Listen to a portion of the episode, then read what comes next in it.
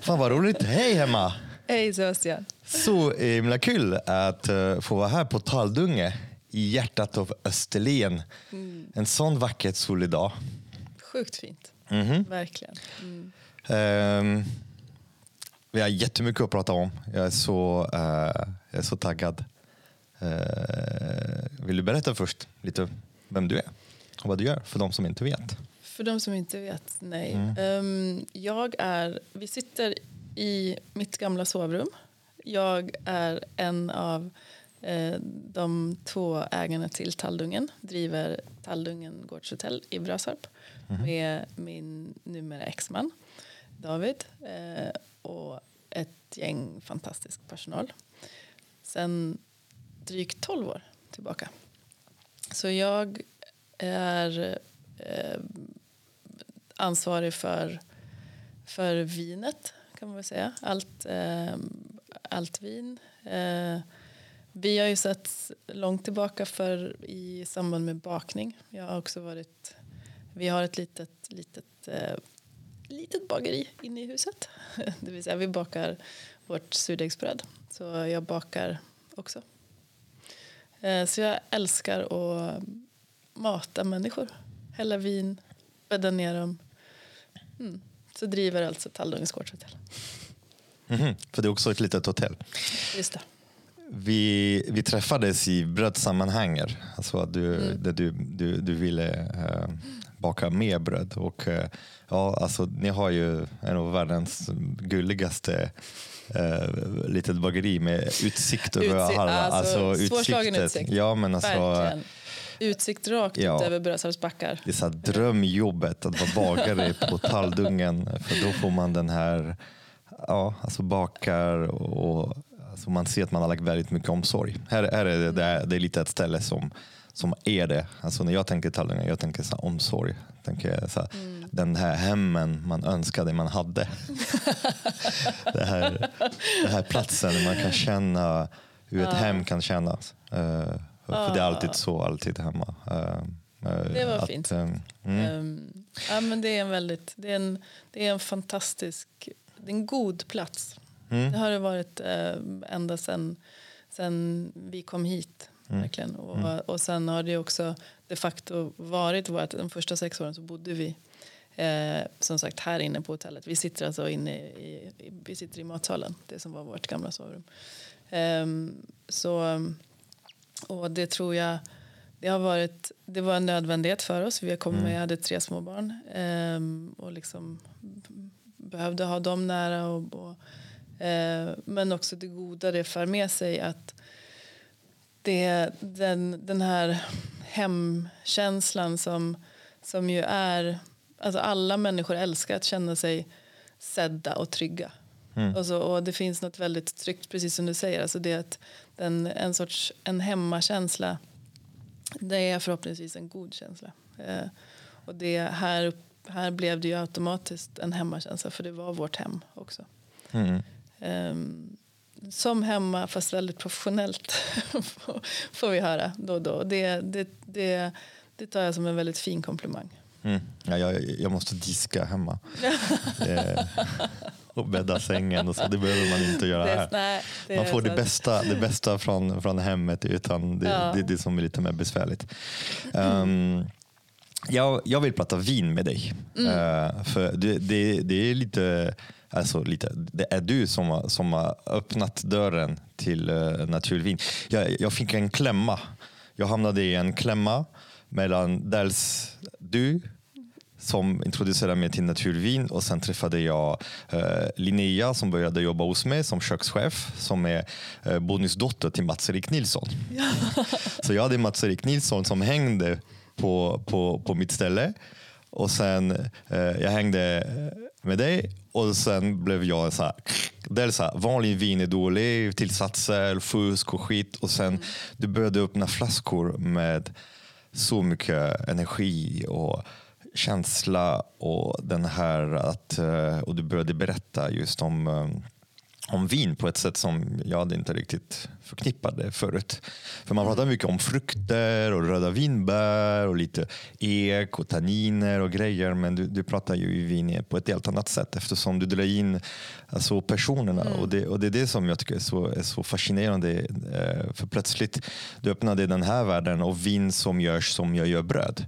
Mm. Och, och, som du gör bröd. Mm. Det man att, uh, människor som öppnar druvor och, uh, och, och skapar, skapar någonting som är så personligt. Mm. Mm, verkligen. Hur, hur kom du in i kontakt med naturviner? Och så som svensk, och, ändå, det är ändå lite svårt. För det, det är ja. typ restaurang, alltså krogbranschen. Alltså, hur, hur kom du in i krogbranschen överhuvudtaget? In i krogbranschen Och när började du med alltså att började se vin? Inte, liksom vin. Ja. Um, ja, men alltså, krogbranschen har jag jobbat större delen av mitt liv kan man väl säga. Ända sedan jag var 17 någonting så har jag liksom jobbat mm. på restaurang. Uh, och, och det är en... Jag, jag pratar kanske hellre, numera tillsammans med många andra också, att, att in, knappt prata om naturvin, alltså att prata om vin, precis som man kanske pratar om bröd eller, och, så, och det andra är liksom industrivin eller industribröd. Alltså mm. det men så, hur jag, kommer, jag har liksom på, på krog så har jag jobbat med vin också. Och, eh, och här när vi startade Tallungen då var det då, det, var, det var jag och David um, och, och den frihet som det också innebär. Vi har inga externa finansiärer så det var liksom vi som kunde bestämma själva. Och då, på den tiden så fanns det ett par importörer. Alltså vi, vi, enkelt förklarat så brukar jag säga att vi köper vin som vi köper kött och grönsaker. Um, och och det, det är från människor som jobbar väldigt nära sin råvara. Mm. Som eh, inte vill manipulera ute i markerna med kemikalier och inte inne i vineriet eller låt säga inne liksom med, med, med djuren eller med grönsakerna. Och då, så det var naturligt eh, att vända sig, leta efter vinimportörer som, eller vinproducenter som, som jobbar på, på det sättet. Och, och då blev det för oss en, en det var ett det var liksom enkelt och komplicerat Ehm, att jobba med den sortens viner. Då fanns det inte jättemycket. Eh, det som var slående och det som fortfarande, precis som du liksom beskrev, det som jag fortfarande kanske den starkaste relationen till det, det är att det finns, eh, det finns, en, no, det finns en påtaglig någon sorts nerv och energi i, i, ehm, i grönsaker som är odlade av någon som verkligen är engagerad och, och i viner som är gjorda av människor som, som, som är otroligt dedikerade och engagerade i det de vill göra.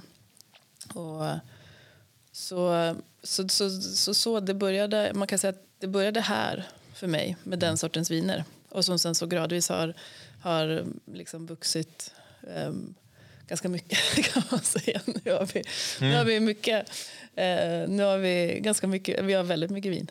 Ja. Och, och, du är, och du är väldigt uh, känd för din, din kunnande på vin. Jag, jag, vet att du är så mjuk så du skulle inte säga det. Men eh. om man, eh, det finns en pris i Sverige som ges av, uh, man beundrar och de bästa sommelier i Sverige att välja någon som, är, som de tycker är bäst i Sverige. Och då får man inte välja sig själv såklart, annars det skulle inte funka. Och, och det är sommeliernas sommelier och, du, och, du, du, och det är du som, som, som kommer upp där. Det betyder att, och det är inte bara en bekräftelse ja, över ja. din kunnande, det är också en respekt från en bransch. Uh, och det är också ganska stort eftersom du är så nischad i naturvin. Det betyder också att även den klassiska delen av branschen mm. Ändå inser att du, alltså du har lyckats navigera det. För det är så himla svårt uh, det är svårt att inte klyftas. När, man, när jag pratar surdegsbröd och så, det är jättesvårt. De som inte gör den typen av bröd, de har jättesvårt att tycka om mig. Mm. För, att, för, att, för det jag förespråkar är någonting som är helt eh, som är lite i tvär i, i vad de tror. Och jag, jag säger inte att det, jag har sanningen, jag, säger, jag, har, jag har min mm. sanning på, på det sättet. Men när det gäller uh, vin, det är också så. Ofta när man pratar folk med, med, med folk med sommelier som inte är i naturvinsidan, som har inte riktigt hamnat där, de kommer ju prata ganska negativt om naturvin. Och det är väldigt ofta jag hör folk som säger ja, men jag var på Systembolaget eller jag var på restaurang och frågade och de sa nej men det finns ingenting som heter naturvin. Mm. Eller det finns, det finns ett slags hagg och rädsla och, och att du har lyckats kanalisera och ändå skapa en mm. ett känsla. Det är också som den här vinflaskan med energi. Du har lyckats fånga den här energin och få även folk som inte kanske som är fasta mm. på sina arbetsplatser och jobbar med en viss typ av vin att också tycka att du är, att du är skitcool som har tagit naturvinet där och att du är, att du är kompetent. För det, det är framförallt det. det är, jag känner få som har en sån eh, beskrivningsförmåga på ett vin och som känner och sen att du har också lite du har också ett minne som kanske är inte vanligt. För du, du kommer ihåg den här klunken tagit på en vinmässa någon lilla rövhål någonstans i Frankrike och, och den 2017 hade den här och nu har det den här. Och det, och det tycker jag är otroligt fascinerande. Hur, hur um, kan du beskriva själv? Jag, jag känner jag snöar in mig med, i, i, i, alltså, Jag den. tänker, det, det, apropå hur, alltså vad, vad, vad är det för vad är det, vad är det för upplevelse jag är ute efter? Eller, eller, alltså vad är det jag gör kan man ju säga. Då. Alltså när jag, om jag eller mina kollegor när vi jobbar eh, så är det på ett sätt, alltså alla, alla vinerna Alltså, vet, vi har någon 6-7 tusen flaskor, alltså kanske tusen, drygt tusen olika viner. Um, så det är mycket viner, mycket olika sorters viner. Och så samtidigt så är de, de är på ett jag betraktar dem lite, de är lite som en sorts vänner.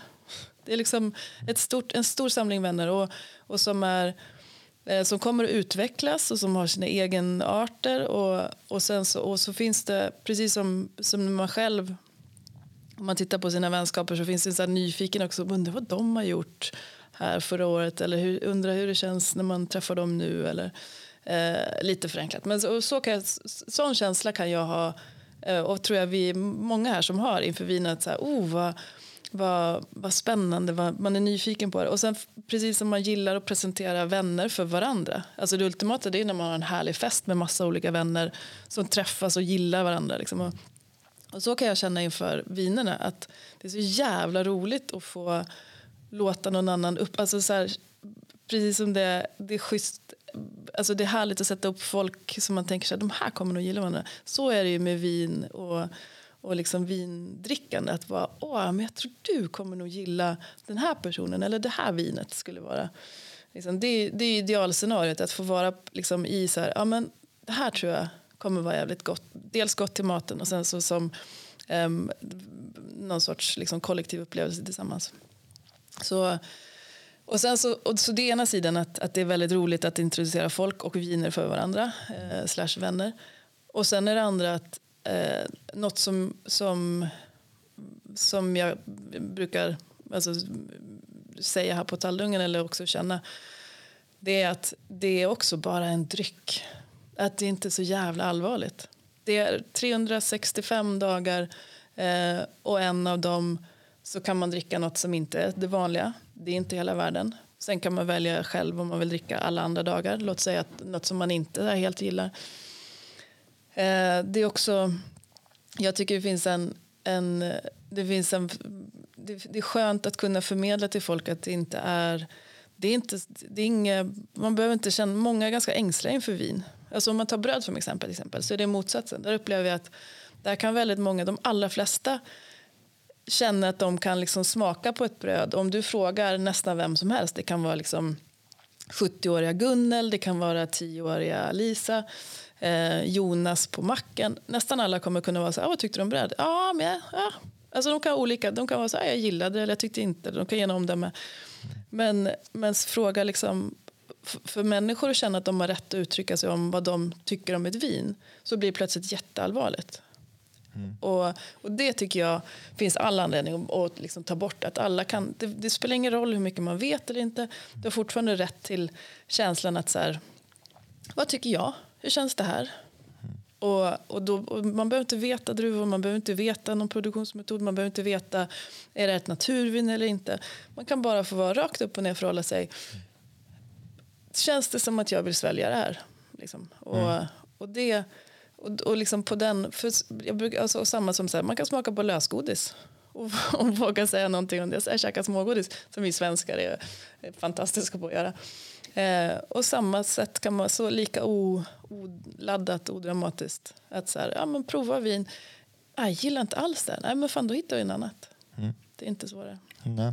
Hur, hur beskriver det? För du säger eh, naturvin eller inte. Hur, det finns ingen riktigt klar definition. Vad, vad är det för Nej. definition? När det gäller, vad, är, vad är en naturvin och vad är en industrivin? Ja, exakt. Man kan, det, finns inte, det finns inte helt enhet. Det finns lite olika tolkningar från... Mm. Eh, men man kan väl säga... Och det finns lite olika certifieringar. Det kommer kanske flera och behövs det och så vidare. Det är en annan diskussion. Men det, det är vin utan, eh, utan egentligen några tillsatser. Mm. Och, och det tycker man ju låter självklart egentligen. Att så här, de flesta tror att vin är bara druvor. Um, industriella viner är inte bara druvor. Det, det är tillåtet, har varit tillåtet och är fortfarande tillåtet med ganska mycket tillsatser. Um, och så sen, sen finns det olika falanger inom nat, liksom så kallade naturvin. Numera så vill ju många vinbönder inte, de vill inte, de, det är ointressant för dem att göra en distinktion. Alltså de gör vin, för det är så man har gjort vin i alla tider. Alltså man låter man pressar must av druvor och låter det jäsa. Liksom. Och vill inte att det ska bli vinäger. Så det är liksom en, mm. en, eh, en vacker dans på väg till vinäger kan man säga. Men, men liksom att hålla den i, och där är ju, den, där är ju hantverket och. Kunskapen. Ja. Ordet vinäger, vinäger, det kommer från vin aigre. Ja. Vin aigre, det är vin som har blivit sur. Sur, precis. Survin. Surnat vin. Survin. Ja, ja. Jag, jag hade, jag hade uh, en av de första poddavsnitt med, med Ida mm. Sundqvist som uh, har dryckesbutiken. Som hade också en, en, definition på naturvin. Hon berättade lite om, om det som pågår i Simrishamn och berättade just hur vinindustri har byggt. och jag kan tänka mig att har det inte lite med läget när industrin kom in i vin att det blev väldigt viktigt att öka snobbigheten i hur man hanterar viner, hur man pratar om viner. Jag har minne när jag kom till Sverige och har Bengt eh, eh, på TV4 som delade solar på vin och, och, och, och det, var, det var så himla... Mm, ja, men man blir man blir lite eh, förtrollad när någon pratar om den här vinet och det är så det där blåbären och sen kommer tanninen och klappar det längst in i gommen och bla bla bla bla. bla. Och sen vet man att okay, det här är ett vin som hade 13 olika tillsatser som är gjort i en fabrik med, med, med speciella jäst som man har tillverkat någonstans i Kina. Eh, det är massa olika vinsura som inte görs på vin, Citronsyra som inte görs på citron och alla de olika tillsatser man stoppar in den för att komma dit. Och då, uh, hur, och du, du, du, vill att man ska prata lite mer enklare, och lite, men det är också för att kanske man känner sig lite tryggare med kvalitet. Det känns som att hela vinbranschen är så himla rädd för att bli avslöjat, att alla ska förstå. För idag är vin blivit en bulkvara som Svenskarna ja. från att inte dricka vin dricker väldigt mycket vin nu och det mesta vin som dricks det är ju bag-and-box som är, som är inte naturvin ja, och som har, inte har själ och den är en rent industriell, det är lingongrova fast i vinform. Typ. Ja, absolut. Um, jag, jag, tror, jag tror inte att det var liksom vinindustrin eller industrin som, som skapade liksom snobbismen. Det, alltså det tror jag det går djupare rötter i liksom klassamhälle och viljan av att särskilja sig. Alltså lägga sig till med svårare språk för att liksom markera en distans. Alltså det, det, har varit, det har tillhört adeln mer, eh, vinet i Sverige. Det har inte varit en, en jordbruksprodukt. Eh, och, det, och det i sig finns ju anledning att utmana. Alltså, mm. eh, ganska ofräscha strukturer, liksom att upprätthålla någon typ av så segregering och vi och dem eh, i, i Wien. Um, ehm, och sen så, alltså, jag, för mig så är vin som sagt, det är som vilken annan sak som helst som, som vi jobbar, som vi äter eller gör. Alltså vi jobbar ju otroligt ambitiöst med våra råvaror eller alltså med saker som kommer på tallriken. Men, men, eh, men vi har inget intresse av att stå och, och trycka ner halsen på folk vad, vad det är de ska äta eller hur de ska äta eller vad, varför vi har gjort som och så vidare. Utan det, eh, alltså mat och vin och dryck. Allt det, är liksom en, det är en jävligt lustfylld upplevelse. Det är, något, det, är något, alltså det, är en, det är en sån lyx att vi måste äta varenda dag. Så man, så man får uppleva den, den glädjen varenda dag. Mm. Och, och så vin, vin, är, vin är en ynnest. Alltså det, det, det, det är inte någonting som, som man måste dricka varenda dag massor. Alltså det, det, det är också en aspekt av det. Att det det är, det är alkohol, det är, det är ett nervgift. Så det finns all anledning att, att, um, att liksom närma sig det vördnadsfullt. Alltså på, äh, dricka mindre men jävligt gott. Mm.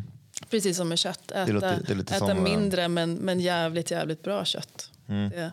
Men det är den resan som är svårt, att äta gott vin. Och vad är, vad är gott? Ja, och, ja. Nu är det lite lättare för oss som ja. har den kunskapen och som har blivit introducerat med folk man, man litar på. Mm. Eh, de, majoritet av människorna de blir utbildade av medier och ja, tidningar. Och, och, Systembolaget. Uh, systembolaget är ett, um, ett system som inte riktigt gynnar de där Nej, vinerna små, vi pratar om. Det, för att små det, producenter och sånt. Det är de verkligen sätter, synd. Ja, och um, det, det, vore, alltså det vore fantastiskt. Jag förstår att Systembolaget har en viktig funktion och det, det var viktigt. Just, ja. Det har haft en viktig funktion i en tid där folk drack för mycket och det var okontrollerat och det gick inte bra. Det var det vi, fick ta in Systembolaget eller förbjuda alkohol som man gjorde i USA. Mm.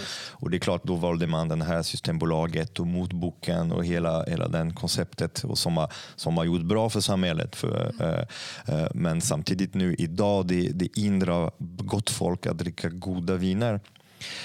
Men vad finns för andra vägar? Säg att um, Uh, för du, du, importerar direkt från, från olika, olika importer. Ja. Det finns en rad olika importörer ja, som, som har också butiker ja. som man kan, man kan lita på. Um, visst, som har, och som med möjlighet, alltså det har varit en, um, en god sak får man säga trots allt med med covid. Under covid så, mm. så i och med att jättemånga krogar inte eh, kunde köpa vin så, så snabbade det på utvecklingen för importörer i att kunna Eh, det är lite arbetsamt för dem. Det är mer jobb att kunna sälja vin till privatpersoner i Sverige. Men det går. Mm. Och, och nu, nu finns det, och ett fantastiskt sätt det är ju att eh, köpa till, om man inte eh, om man inte kan eller vet riktigt så, så några av de liksom bra importörerna köpa blandlådor de ger ofta ut liksom en, det kanske är tre flaskor, det kanske är sex flaskor. Som är, mm. eh, det kan vara på, från en region, det kan vara från en producent, det kan vara på en druva. Mm. Lite konstigt, det kan vara du har, du har valt några stycken. Jag har sett såna, några lådor. Där, eh, ja, just det. Ja, jag ska hemma, också, hemma ja, selektion. Eh, och då kan man köpa sex viner som du verkligen som tycker jag, om och är utvalda. Så det var också, jag har gjort några gånger. Mm. Och, och, det, och det rekommenderar för den som vill introduceras i, i den världen. Uh, att börja med uh, att köpa från någon man litar på. Verkligen. Ja, men, som det, har passion och som det, brinner för det som inte bara är ett affärsgrej. Där. Nej, en, nej, men det finns, jag skulle säga att vi har säkert två handfull eh, liksom, duktiga, duk, jätteengagerade importörer i Sverige. Mm. Alltså, man, du nämnde dryckesbutiken, fantastiskt. Mm. Vin och natur, funnits länge. Um, Buteljholmen, mm. Van Vivant, Rosfor. Mm. Wine Trade. Wine Trade säljer direkt till, alltså att kunna kunna vända sig jordmånen. till jordmånen också. Jätte... Och där är också så lite, och det där plötsligt när man, när man bygger, när det finns en marknad för naturviner, då börjar komma en mångfald av olika importörer som har olika smaker och som gillar lite olika saker. Precis. Och det har blivit plötsligt jätte, jättekul att köpa ja, lite från, eh, från Niklas, från Ida, mm. från, eh, från Jessica och, och, och, och, ehm, de flesta har en annan bakgrund också. Det är ofta människor som har jobbat med något annat. Som muls, Absolut, de har valt det av ja, men det är helt, det är liksom hängivenhet och passion som har gjort att de har valt, eh, valt sin väg. Alltså precis som vi och precis som som vi än en gång, precis som grönsaksodlare eller djuruppfödare här som mm. man jobbar med. Ja, verkligen. Och, och det, det är så att, att om man tänker man skulle närma sig eh, att hitta vin så har det blivit ändå väldigt, väldigt mycket. Det finns mycket, mycket mer nu än för sig fem, tio år sedan som mm. privatperson att kunna komma åt. Och det mm. är ju väldigt, väldigt roligt. Och corona gör det också det att man plötsligt, för på restaurang, alltså de klassiska restaurangerna eh, ofta säljer vin, de kanske tripplar fyrgånga priset, inköpspris på en flaska vin. Och då det är ganska ofta... Inte vi. Inte, ja, det, nej, ni, ni, jag, jag vet att det, det, här är också eh, en... Vi har låga påslag. En, ja. eh, på, påslagen och ofta man lägger samma påslag på alla flaskor ja. så det spelar ingen roll hur dyrt nej, det är. Precis. Det är jättebilligt att dricka en väldigt dyra som, flaskor. Ja, mm. alltså en flaska som köps in för tusen kronor som mm. skulle kosta fyra, då blir det plötsligt jätte jättedyrt. Men om, om man lägger 300-500 kronor på en ja. flaska, då, då en flaska som köps för 1000, då blir det bara 1400 eller 500. Då blir, för man tjänar lika mycket på, på, på det. Men äh, äh, tänk dig Pris, prismässigt är ju, och påslagen är ett problem för att de flesta viner som serveras på restaurang det är de där husets vin och så. Det är flaskor som köps ja. för 49, 59, 69 kronor flaska ja. och som säljs för 300, 400, 500 ja, kronoflaska ja. på krog. Och där eh, med corona, det som blev det att när det blev inte så mycket restaurangbesök, kanske man kunde vara hemma och istället laga väldigt god mat. Mm. Och då Istället för att köpa en, en flaska rävgift för mm. uh, ja. 300-400 kronor kunde man köpa två riktigt bra flaskor mm. på, för, på 200 kronor. Mm. Och dricka dem och få mm så mycket mer upplevelse och få uppleva så mycket mer. Vad, vad, vad, är, vad är som styr pris på naturviner? Och uh, är det samma system som det klassiska och hur, hur mycket ska det kosta för att det ska vara riktigt gott? Jag menar du liksom, Nat alltså, inte på krogen utan på, på att alltså, kunna köpa? Om man ska köpa från en importör till exempel som privatperson. Hur mycket pengar ska man lägga? För Är det så att 200, 300, 400? vad, vad kostar en 100? Um, kan man göra tycker... bra vin på 120 kronor, 150 kronor? Alltså, jag skulle säga så här. Alla, alla av de som vi nämnde nu, importörerna också. Det finns, det, för inte börja rabbla upp massor namn, du kanske kan lägga någon länk mm. i podden sen till Mm. Eller kan, ni rekomma, eller kan ni kommentera i kommentarfältet och, och, och tipsa om ni har eh, vinimportörer som ni tycker ja, om? Absolut. Mm. Um, men jag tänker så alla de som vi har pratat om och ett gäng till. Där skulle jag säga att där, kan man, där, där kommer alla viner kommer vara värda att köpa och dricka. Mm. Så, det kan vara liksom, så det kan finnas viner som är... Så även de, det, finns, det finns inga... Jag har aldrig stött på några naturviner eller liksom, den typen av viner vi pratar om. Jag har aldrig stött på dem som kostar Um, alltså för oss att köpa ens X-moms kostar mindre än ja, 90 kronor. Det är det alltså, och numera ska jag säga knappt under 100. Mm. Och det vill säga till konsument så kostar de plus moms plus lite avgifter. Så, att, mm. eh, så men det är egentligen ointressant. Jag skulle säga att alla, alla viner som erbjuds, så det är gott redan från liksom det enkla, det enklaste som erbjuds. Mm. Det, det är gott och det är en härlig, det finns en upplevelse. Eh, och sen finns det ju, alltså det finns ju upp till viner som kostar många, många tusen också. Mm. Eh, så det, det finns liksom, jag, jag, tycker det finns tillfällen för, för alla viner och det finns, eh, man har olika mycket pengar som man kan eller vill lägga liksom, på viner och det oavsett så är det en upplevelse. Alltså verkligen genuint kan jag känna att så här, skithärligt att dricka mm. um, Alltså det finns enkla, så direkt tillgängliga viner som, som, som är jättehärliga på sitt sätt. Och sen finns det liksom större, komplexare viner som, är, eh, som har sin plats och sin liksom exklusivitet kanske. Mm. Så, så mer att så här, och är fantastiskt, alltså just för att prova så är det att gå ihop ett gäng. Man, det är liksom, om man betraktar, jag tycker Ja, men som sagt, jag tittar på viner lite som vänner. Alltså jag älskar att träffa folk.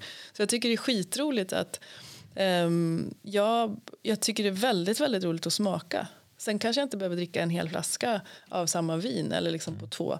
Så ännu roligare att gå ihop ett gäng, att ha liksom det är alltid roligare att äta tillsammans med folk och jätte, jätteroligt att dricka tillsammans med folk. Så att, att, um, att man kanske har Alltså, man har ett mat och vinkollektiv och då kan man också prova, då kan man liksom dricka enklare flaskor och är man sex som delar på en, en lite dyrare flaska så är inte liksom per skalle ökningen så stor men man får ändå liksom en upplevelse. Mm. Så tips om du bor i ett stort stad eller där det finns en bra vinbar, då kan man gå ut oh, där Gud, ja. och gå på vinbar och träffa människor som brinner för naturvin, som kan prata, som kan introducera er till det. Och om man inte har en stor stad i närheten och så, då finns det i sådana lådor med tre flaskor, sex flaskor som är eh, också utvalda av det mm. eller fler. Eller om man kollar, om ni börjar googla lite på naturvin och sådana naturvinimportörer, det kommer komma massor. Och börja, börja så här. Och då kan Verkligen. man ju testa. Kan man ha vinbar i sitt eget hem med kompisar? Ja, ja. För problemet med naturvin är att vissa naturviner, jag, jag brukar säga att det är lite som jazz. Eh, det finns olika typer av jazz. Från Aretha Franklin hela vägen till någonstans där det inte kan, det knappast går att lyssna längre. För det, det, det, krävs så att vara en riktigt gammal gubbe som har lyssnat på Chelsea hela sitt liv och, så där, och få hitta det här komplexa när det inte ens är i takt längre tillsammans. Och, och jag upplever att uh, det finns ett svårare gräns mellan uh, det här jazzigheten när det har gått för långt och defekt. Mm. Och eh, vad är en defekt och vad är en jazzighet som man kan ändå uppskatta när man är vältränade. Mm. Och jag tror att det är många som har smakat på naturviner som har fått äntligen en, vin, en vin som hade defekt eller som var väldigt, väldigt nischad. Mm. De var inte riktigt beredda för det och då kan det smaka väldigt annorlunda än, än det man brukar. Vad skulle Absolut. du rekommendera att man gör då? Alltså, hur ska man... alltså jag skulle rekommendera att man också bara tänker på så här, jaha, det här var ett vin som jag inte tyckte så mycket om. Mm. Alltså det behöver egentligen inte vara, ja, sen är det såklart, alltså jag tycker att eh, det finns ingen anledning att äta saker som man inte gillar om man inte håller på att dö på någon busshållplats eller något. Måste. Mm. Men, eh, och det finns noll anledning överhuvudtaget att dricka något med alkohol som man inte gillar. Alltså, så, att, så jag hade, alltså om jag inte vara så rädd för att säga att det är något som man faktiskt inte tycker om. Mm. Jag lägger ingen värdering, det finns ingen värdering i att man har olika smaker tycker jag. Så det kan vara något som jag gillar som, som, eh, som någon annan inte alls tycker om. Mm. Då, om vi pratar nu om att man är på jobb och så, så då, då finns så sjukt mycket saker att dricka. Så då kan man hitta något annat. Och är man själv och har beställt något och man får något som man så oavsett vare sig det är liksom defekt eller inte defekt. Eller, alltså mm. den, den, blir, den blir nästan mer laddad, den diskussionen. För då ska man veta, är det här defekt eller är det inte defekt? Mm. Jag typ bara utgår från så här, fan, det här, jag tror inte jag gillar det här riktigt.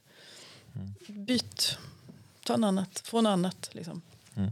Eh, sen håller jag med, absolut det finns liksom en, det, det tror jag är mindre och mindre problem egentligen att det serveras mm, defekta viner på krogen. Liksom. Eh, och och det är också mindre och mindre angeläget att, att prata om den liksom... Doris, en hund som...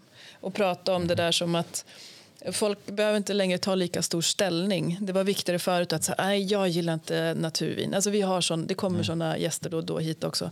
Och, det, och, och jag, okej, okay, det är lugnt. Eh, du, gillar, du tänker att det är något som du inte gillar. Jag ska försöka och, och hitta saker där du inte behöver dricka saker du inte gillar. Mm. Det är därför man, man får smaka på vinet alltid. Man går på restaurang. Ja. Att man får smaka och tycka ja, att man visst, inte så... tycker om den.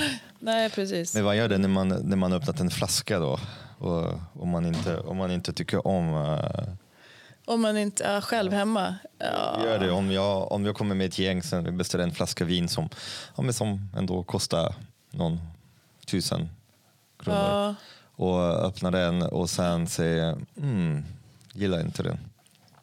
Nej, då, alltså det finns ju lite olika. Om jag tänker, ett scenario är att ni har kommit och du har själv haft en idé om vad du vill dricka. Mm. Alltså, och kanske bollat någon tanke. Liksom, men att jag ändå har känslan av att det är du som har bestämt vinet som du ska dricka. Och jag, och jag kanske berättar någonting om att det är så här eller det befinner sig här eller här. Eh, men det beställer Jag kommer öppna det, eller vi, liksom, vem, så öppnar vi och kontrollerar så att det från vår aspekt inte har någon defekt. Mm. Och då finns det vissa, alltså typ korkdefekt eller det finns någon sorts oxidation man inte vill ha. Eller, mm. ja. Eh, men i alla fall, så vi har kontrollerat av det och bedömt att det är korrekt. Mm. Sen så kommer vi till er och då den som har beställt det oftast som man, och då får och det är egentligen, apropå det du sa om smaka om man gillar det inte, då är inte min syfte med att du får provsmaka inte att du ska säga om du gillar det eller inte. För du, i det här fallet så har du beställt det. Mm. Det du ska säga då det är om du uppfattar någon defekt i det. Mm. Alltså, eller om du bedömer det korrekt mm. egentligen. Mm. Så att så för att det inte situationen ska uppstå att eh, man häller upp alla glas och sen så liksom en halvtimme innan jag druckit så bara du det här vinet är defekt. Liksom. Det kan också hända, men det är viktiga. Man kollar först, känns det okej? Okay? Ja, och så börjar ni dricka. Um, och då, liksom, om, om du det läget när du får prova det känner så här, jag gillar inte det här riktigt. Mm. Det är inte, det är inte ett kriterium. Alltså om du har beställt en flaska vin och vi är överens om ungefär hur den ska vara eller det finns inget liksom, utmanande i det här då, då är det inte ett skäl för mig att ta tillbaka flaskan egentligen. Nej, nej, om man nej. säger det i grova drag. Mm. Sen kommer jag, alltså, nu pratar jag bara liksom, grundläggande kutym. Mm. Skulle det däremot vara så att så här, fan, jag trodde det skulle vara något helt annat. Alltså, det här är faktiskt inte alls som jag vill. Då kommer vi alltid ta tillbaka en alltså, mm. det, jag, står liksom inte, jag vill inte utsätta, ni ska ha en bra upplevelse på krogen. Såklart. Men när man säger liksom metoden. Däremot om det hade varit så att du pratar så här, ja, men jag skulle vilja att vin kanske så här, så här, eller jag brukar gilla det här, eller jag är nyfiken på den här regionen. Och jag själv pratar in ett vin till dig. Mm. Då finns det en mycket större lyhördhet för att så här, dels ska vi såklart kolla så är det korrekt, inte defekt. Men om du sen då också är så här, hmm, jag gillar inte riktigt det här. Då vill jag jättemycket snabbare mm. faktiskt vara att så här, åh fan vet du vad, då hittar vi något annat. Mm. För då är det ändå jag som har liksom tagit med det. Mm. Men, eh, men annars som sagt, känner man själv att det är man själv som bestämmer och väljer mm. då är inte riktigt din agenda att vara så här, mm, tyckte jag om det här? Eller, nej förresten, jag tycker inte om det, jag skickar tillbaka flaskan. Mm. Det ska man inte göra på krogen om man inte har väldigt starka skäl. Mm. Det, det, det, jag märker i naturvin är att eftersom vinerna har mycket mer personlighet. Jag, jag gillar din, din metafor med vänner. För att vinerna har en personlighet. Mm. Och det finns vissa personligheter som passar bra ihop, vissa som inte passar bra ihop. Och jag märker när du, när du säljer vin, serverar vin, att du brukar ta, titta på folket du var det här. Och du väljer vinet utifrån personligheten. Och det är någonting som inte riktigt finns i den klassiska vinvärlden där man, man utgår från ett, en aura av berättelse och antal generationer. Och med, alltså, det finns otroligt mycket appellation mm, och namn och gamla meriter som många viner är. Och, och det, det, det, det blir inte samma ödmjukhet och den här relationen. Uh, Nej, det kan, ja. Och då krävs mer kompetens, mer social kompetens och då kan jag förstå att en vanliga krogar som säljer bulk och så, de har inte så riktigt tid att börja kolla på personlighet på sina gäster. Och det, det, det är en helt annan typ av... Det, det är ett andverk. Det, och, och ja, vin och det, och, det är ett hantverk, och service. Och ja. det förklarar lite service varför också. Ja. Sen skulle jag inte mm. säga att, sen bara flika in faktiskt, mm. eller att avbryta. Ja, det, nej, att, eh, det, behöver, det är inte så att så kallade naturviner skulle vara svåra. Alltså mm. på ett, på ett, liksom, ett stort generellt plan. Alltså jag skulle säga att det finns viner som är jätteenkla att jobba med. Som du kan servera utan någon som helst kunskap, utan bedöma. Så okay. det, det är ju helt klart, alltså vi ska se till att mycket mer av skitvinerna som serveras ersätts av, av viner som är gjorda på bra sätt. Mm. För det, det finns ingen motsättning alls i att de går enkelt att öppna, de går enkelt att servera. De är jätte, det finns ingen som skulle vara så här är det här ett naturvin? Mm. Alltså det finns inget konstigt med det. Så, så, att, så det vi ska bort, det finns fruktansvärt mycket skitvin och det finns ingen anledning att de serveras. För det, det, det är, liksom, det är som dålig porr. Alltså det här, eh, vin ska man dricka för att det är, så här, det är väldigt härligt och gott och det görs på bra sätt. Mm. Det finns ingen anledning att ha, det andra ska inte ens finnas på marknaden tycker jag. Så, så med det sagt, det går liksom, jag ser fram emot det, det händer, tack och lov, med liksom mera importörer, mera tillgängligt vin gjort på bra sätt mm. och där faktiskt krogar, alltså den här gamla liksom vatten, vallgraven mellan naturvin eller vanligt vin, att den, den luckras upp och mm. man inser att det här är vin, det här är vin som är gjort på bra sätt. Mm.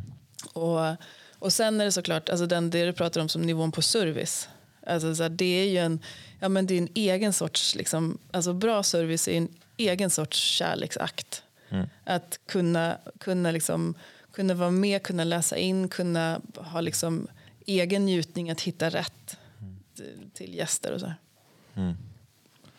Um, problemet med det här bra vin, dålig vin, är att om du ska erkänna att ett vin är bra gjort det betyder att någon, den andra är inte bra gjort. Absolut. Och det blir väldigt svårt tror jag för många att komma in, att ha några naturviner och några ja. vanliga viner. Jag, jag, jag kämpar mig igenom det här vanliga begreppet. Nu vi, mm. I podden har vi pratat om kaffe, om bröd, om mat, om kött, om allting. Allt som är bra ska vara speciellt och det som är dåligt är ju vanligt. Ja, och, det, och det är ett problem. För det gör att bra saker blir speciella, exklusiva och det, och det, och det skapar ett så klyft. Och, eh, på restauranger när man börjar prata om naturviner. Har ni naturviner? Det blir egentligen, ja, men där är ett ställe där de har koll på läget och det blir mm. ju ett upplevelse och det blir fantastiskt att kunna få se mm. vad ni har. Vem är ni vinmässigt? Mm. För det är så man öppnar ju en ja, vinmeny på en krog och du vet direkt det är som för mig när jag sätter mig på en krog och kommer brödet, då vet jag, okej, okay, här, är, mm. Är en ambition på mm. den platsen och jag kan luta mig tillbaka, känna mig lugn. Jag öppnar en vinmeny och ser en massa chardonnay, chablis, pinot noir, bla bla bla bla. Kommer från hela världen, kommer från Kalifornien, kommer från Nya Zeeland, kommer från Sydafrika och det, har vi det här. Och, och man får den här, plötsligt får jag resa, unna mig, uppleva någonting och sen det hela är ju plastigt för det, det är ju skapat. Det är marknadsföring, förpackning, mm. eh, historier, berättelser, tillsatser. Kontra öppna en vinmeny där man får man ser vissa namn som man, man vet som människor, så, åh han, hon och, och de där. Mm.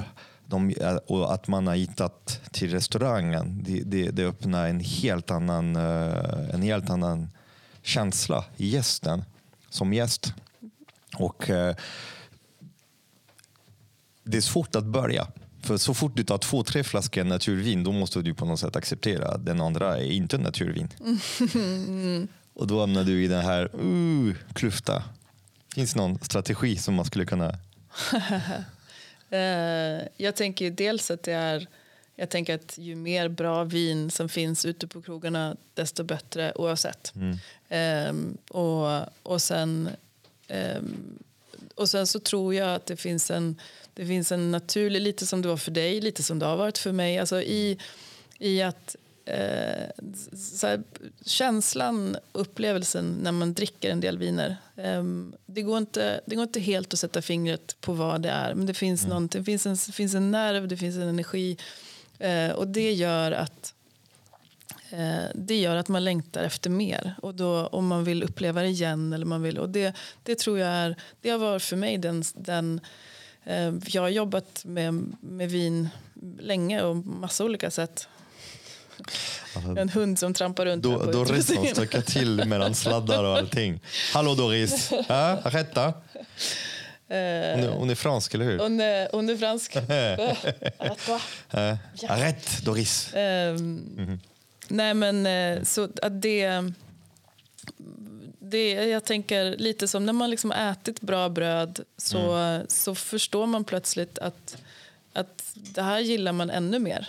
Mm. Och lite så, kan jag, så upplever jag och känner mig trygg med att så är resan med vin också för de flesta. Mm. Mm. Och fan, det här, är, det här är något som jag det här är annorlunda på ett sätt som gör, jag kan inte sätta fingret på vad det är men jag vill gärna ha mer. Och så därför så tänker jag att man behöver inte, jag menar, det, kommer, det kommer mer och mer bra vin ut på krogarna. Mm. Det är ju bra. Mm. Vill du komma upp? Du vill komma upp någonstans? Okej. Okay. Um, ehm, vi har lite, lite Doris. Vi har en liten vovve som vill gå på fåtöljen men hon har, hon har lite svårt med att få i bakdelen upp. Mycket sladdar här. Ja, ja förlåt jag kommer att stöka till här. Um, um, ja. Okej, okay. så att eh, ja, du vill, det, det, är lite den här vakuumstrategi. Alltså att man skapar, man har testat en gång, man vill och då vill man ha mer och då det kommer skapa en förändring på krog för att då fler kanske ja. frågar efter Precis. naturviner och Precis. kanske blir besvikna. Det är ofta jag går på en restaurang och ja. jag hittar inte vin som jag, jag tycker passar vad jag vill dricka och då, då beställer då jag vatten. Ja. Eller att inte besöka restaurangen igen. Ja. Faktiskt. Ja. Alltså krasst ja. nog, så, är det, så är det helt klart. Sen finns det öl. Sen finns det öl. Som tur det. Och, och efter, ofta ja. när jag inte hittar bra uh, naturvin, då, då försöker jag hitta bra ekologiska uh, mm. hantverksöl. Mm. Uh, eller dryck eller cider. Ja. För det är också någonting som är, som är sjukt spännande. Ja. Uh, är det, ja, verkligen. Och, och, det är, um, och det är en helt annan process, koncept och så. Men mm. jag tycker det, det är också så superhärligt om man kan börja dricka eh, bra lokala öl och eh, eftersom spannmål är så fantastiskt och vi har så mycket spannmål eh, och vi har så många bra små bryggerier. Eh, så det kan och vara ett bra tips. Som, ja. Ni, ja, som ni inte ja, hittar bra, bra vin, drick, drick öl. Um, som, som du beskriver uh, ditt yrke som sommelier. Det känns som annorlunda från den, den klassiska. För det finns en certifiering, det finns utbildningar och, eh, och jag själv undervisar för, för olika sommelierutbildningar. Mm. Eh, inte i, Wien med, om, om, om, eh, om terroir, om jordbruk, om passion. För Det är otroligt viktigt. Och eh, det jag märker att det är två helt olika skolor och det är lite som det är två helt olika yrken. Mm. Är, är, du utbildad sommelier? Har du en, har du en proper utbildning? Nej, jag har ju fascinerande nog inte det. Faktiskt. Så du, är, du, har, blivit, du har blivit Sveriges, du är Sveriges bästa sommelier utan utbildning.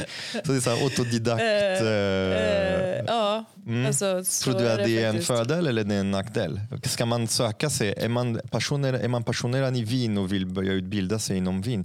Eller lönt att göra en klassisk sommelierutbildning? Ja, men det tycker jag absolut. Mm. Alltså det, därför att det är, det är, um, det är jätte, det finns jättemycket härliga saker att lära sig. Eh, mm. Utan tvekan. Sen, sen är fortfarande det absolut viktigaste det kommer vara eh, din, egen, alltså, din egen resa med hur du smakar, vad du, vad du smakar, prova vad du själv gillar, hur du fortsätter liksom, utvecklas. Mm. Så, så, um, så min, min skolning har ju varit Ja men, man kan, ja, ja, men exakt. Dricka, alltså, dricka, prova, dricka, precis, prova besöka vinbönder, besöka, alltså, mm. prova. Jag, jag, mitt absolut bästa tips till alla det är att, att um, prova.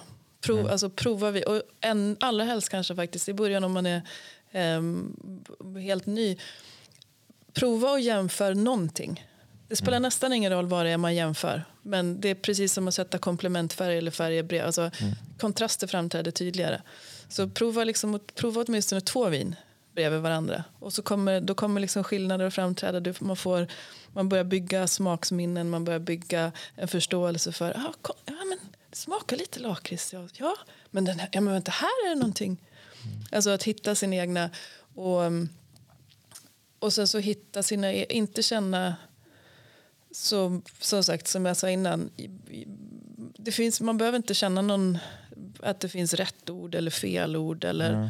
Utan bygg, ja, för mig har det varit värdefullt, för mitt eget minnes skull så bygger jag upp mina egna Orden är viktigast för mig själv för att komma ihåg. Mm. För att kunna minnas. Just det, ja, den är lite så här, den är liksom gulkrispig men sen har den någon lite grön tulpan. Eller, sen, eller jag minns också ofta som bilder. Alltså för mig är det liksom vinet kändes så här. Gulkrispig med grön tulipan.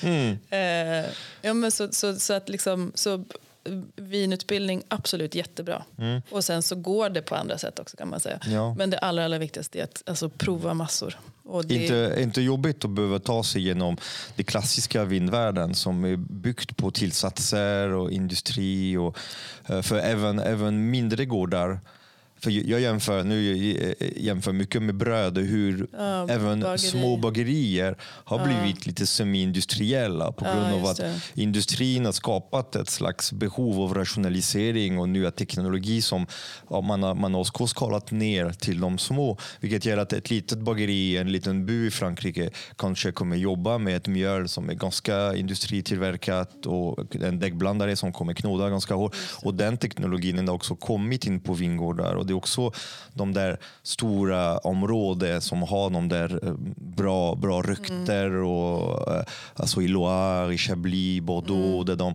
alltså de har också tagit in, och det är det som jag gillar med naturviner, för att det, det finns också ett slags reaktion från en, en del av branschen som vägrar att ta in den, den teknologi för de mm. tycker att den förstör vinet och anverket. Mm. Och att det gör att de behöver vara mindre skickliga.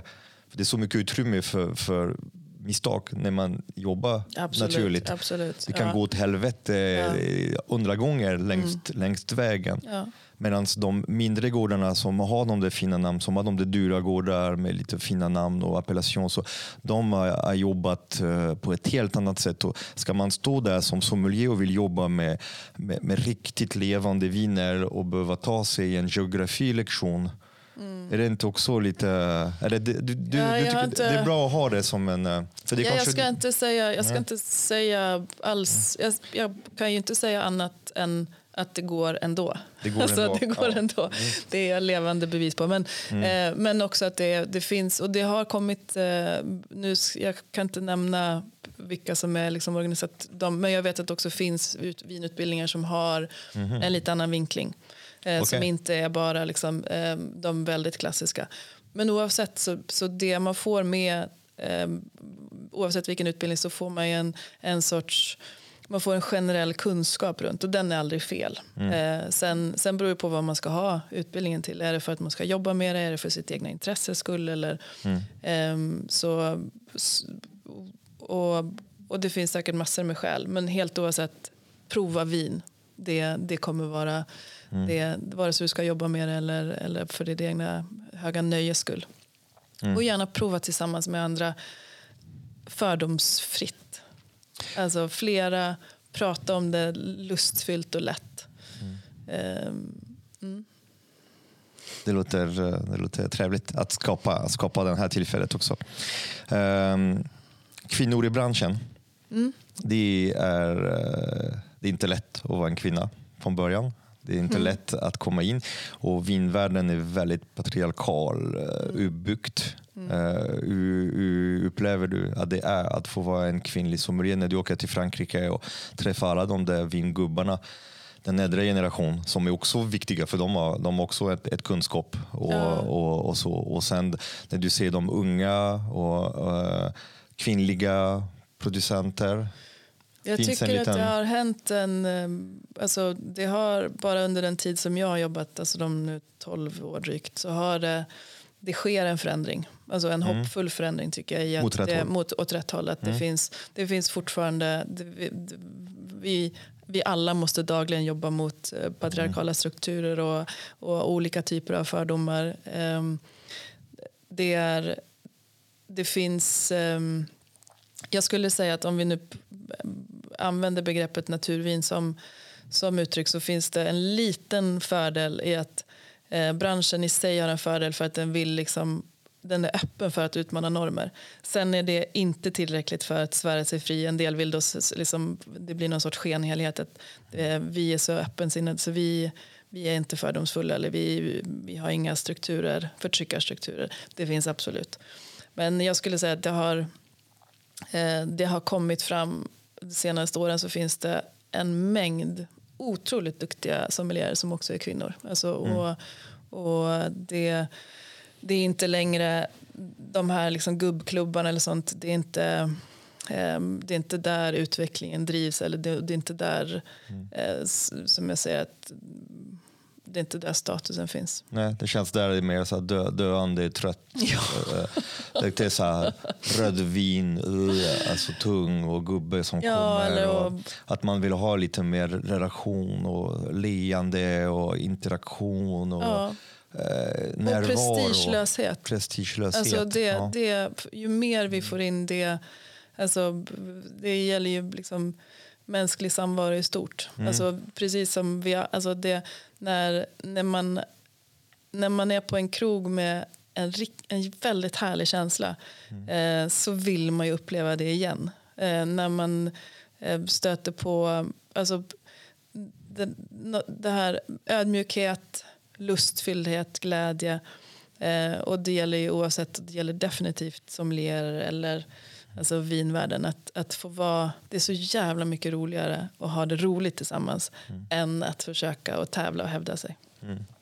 Så, är, det, är det inte så att uh, jag fick en inbildning av att det fanns fler kvinnor i naturvinvärlden än i den klassiska? Producenter? producenter.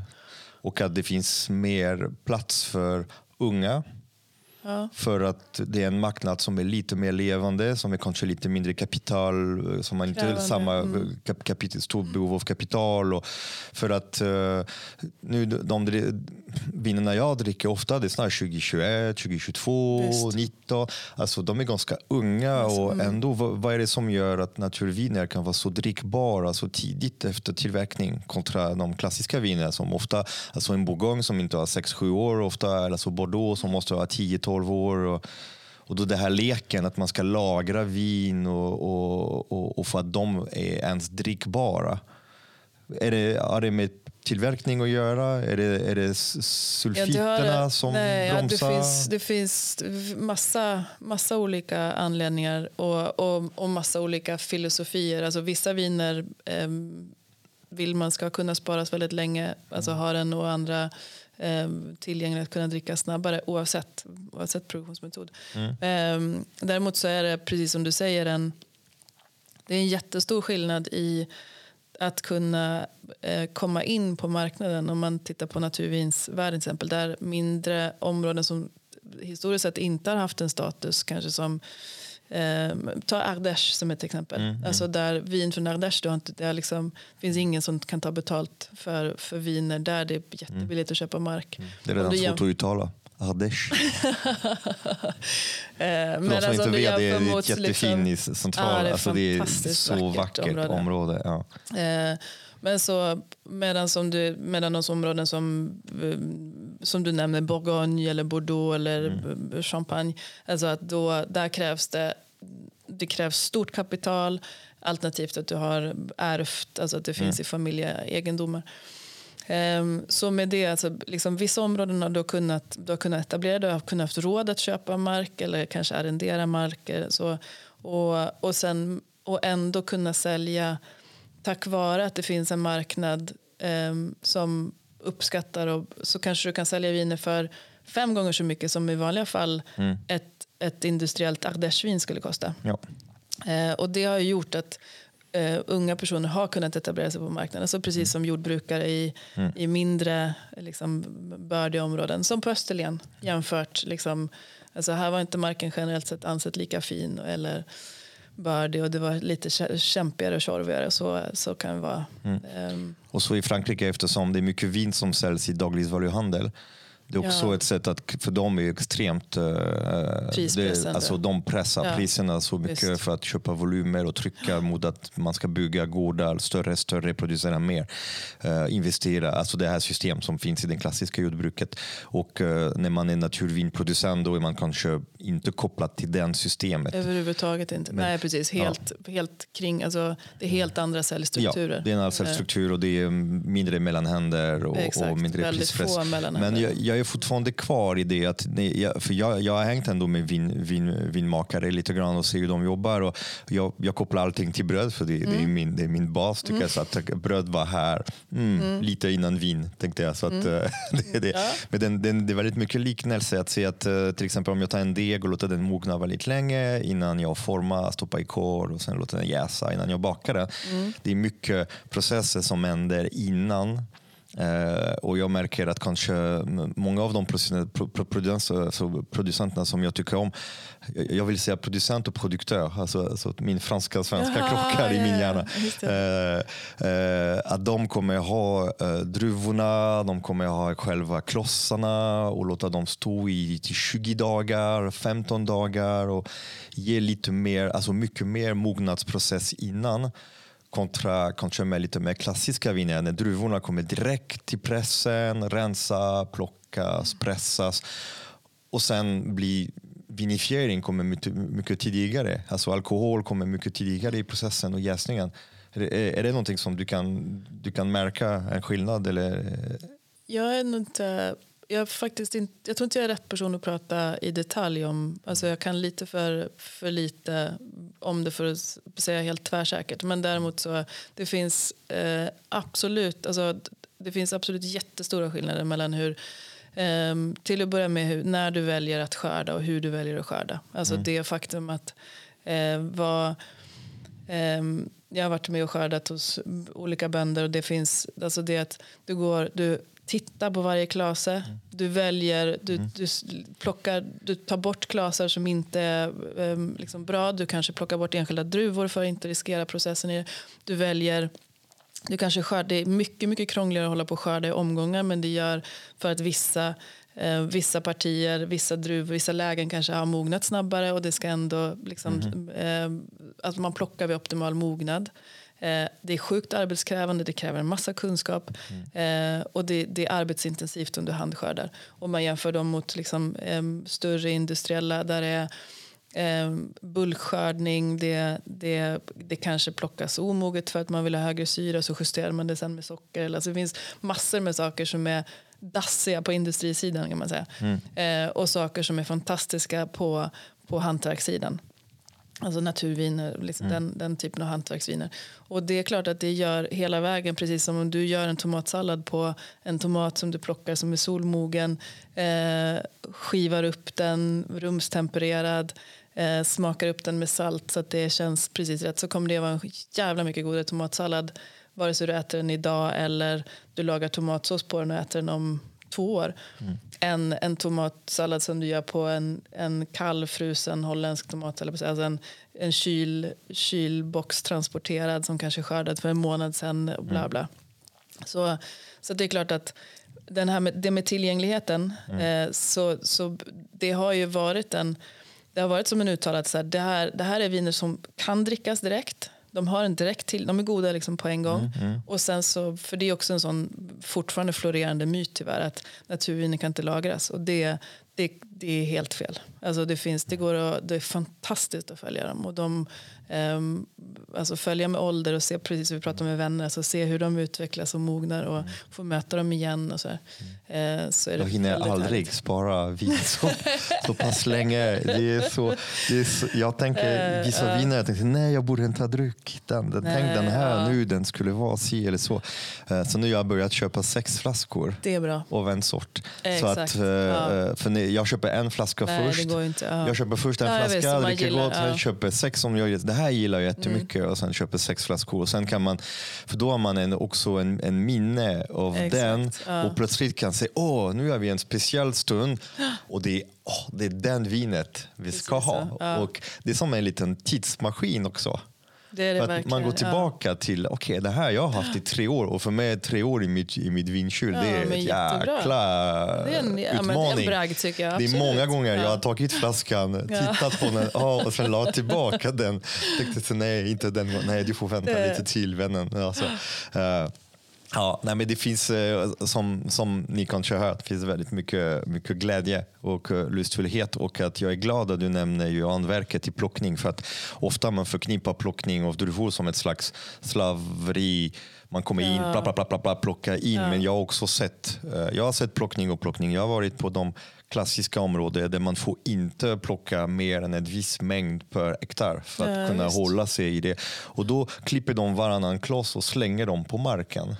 Uh, för att ja. inte komma för att behålla ja. sin appellation för att om, annars det blir för mycket. Men plantan har gett mm. jättemycket mer än vad de tar och då tyckte jag att det var så himla slarvigt och så himla töntigt att jobba på det sättet. För det, de tog bort jättefin kvalitetsdruvor bort mm. från, från, bara för att de har ett kotta som de fick inte överstiga.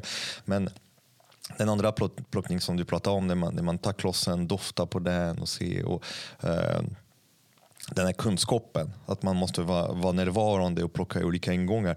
Det är också det man, man köper. Det är det man känner. Ja. exakt. Alltså... Och det är något som saknas så himla mycket idag. Det är att när man köper kvalitetsråvaror, om det är bröd, om det är, om det är bönor mm. eller, eller en flaska vin, att man, man betalar för risktagandet. Mm. För det här är ju processer som innebär, för att kunna vara så bra så det kan bra, som det kan vara, mm. man måste ta risker. Det kan hända saker. Det är inte bara klimat, det är också mm. sjukdomar, det är hantering, det är det här regnet, den här frosten och sen den här svampen, den här korken. Alltså det finns så mycket och det är väldigt sällan man, man ser värdet i risktagande. För det är i risktagande det kan komma magiska saker.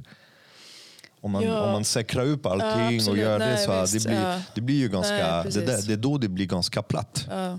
Och där ser man i, i, samma producent som jag har köpt vin flera år i rad nu och så och ser hur, hur vinet är annorlunda. Hur den är utvecklat annorlunda och det där ordet terroir som ja. vi har uh, på franska som inte finns på, på svenska. Nej, vi säger ju terroir. Vi säger terroir, ja, terroir med lite r. Terroir. Det är så. Jag, jag rättar.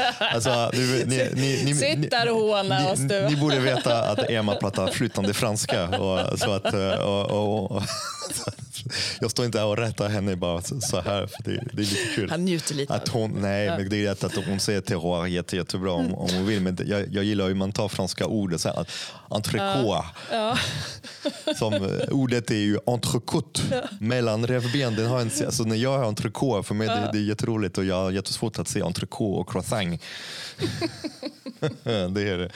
Men uh, okej, okay, terroir. och terroir är ett ord som, som är viktigt och som har inte betytt så mycket i Sverige. För man har inte sett så mycket vikt av, av sett, alltså smak det, av en plats. Nej, alltså det, det man där har är, vi, vi, det är jättesorgligt hur vi, den stora mängden vin mm. som finns tillgängligt att dricka i Sverige så är det ju, vi är världsledande på bag-in-box till exempel. Mm. Alltså som är en sorts eh, uppsötad alkoholsaft. Liksom. Det är, ja. och, Alkoholiserat och, det, och dricksat. Ja, mm. verkligen. Men det, så, så då, då, där är det ju helt, det finns ingen terroir. Alltså, det går inte att förstå någon Nej. terroir på något sätt. Det är simrisam. Terroir, simrisam. det, är, det, är, ja. det är så. Men, men mm. däremot så, så jag tänker det, man behöver, terroir skulle kunna vara ett, också bli ett till svårt ord som man ska förstå. Så man, om, man, mm. om, man, om jag använder samma liksom, filosofi som innan så ska jag säga mm. att man behöver, inte, man behöver inte veta och förstå vad, vad terroir är men man kan, man mm. kan veta och förstå att det kommer att vara Um, precis som du har, om du har jordgubbar i trädgården så kommer olika år så kommer jordgubbarna kunna mm. smaka annorlunda. Eller fan nu mognar de liksom, plötsligt var de mogna en vecka tidigare. Eller den här sista jordgubben man plockar sent på hösten den smakar på ett visst sätt. Jätteregnig sommar ger en typ av jordgubbar. Alltså, så, så, det är ju så med, med det är en sån fascinerande sak med, mm. eh, med viner. Att det är att så här, ah, så här var liksom ja, men år 2009 var så här, så här var 2012 eller och nu är 2012 så här när man dricker det nu kontra för fem år sedan. Eller mm.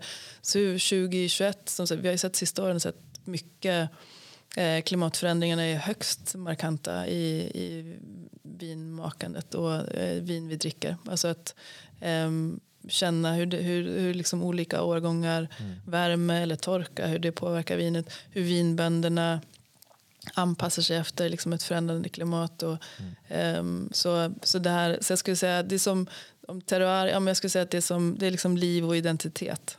Att, mm. vara, att, här, att känna att ett vin smakar var det kommer ifrån. Mm. Uh. Men det, är också, det är också kulturellt.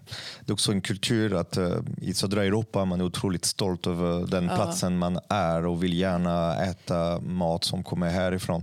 Eh, I Sverige har man kanske lite mer den här längtan över eh, att ha mat som kommer från långt borta som är lite mer exotisk som känns ju ja, men, spännande att det svenska här är odlat utanför Gävle. Ja. Tänkte så hmm, låter inte så gott. Medan kanske, det här är Gävle.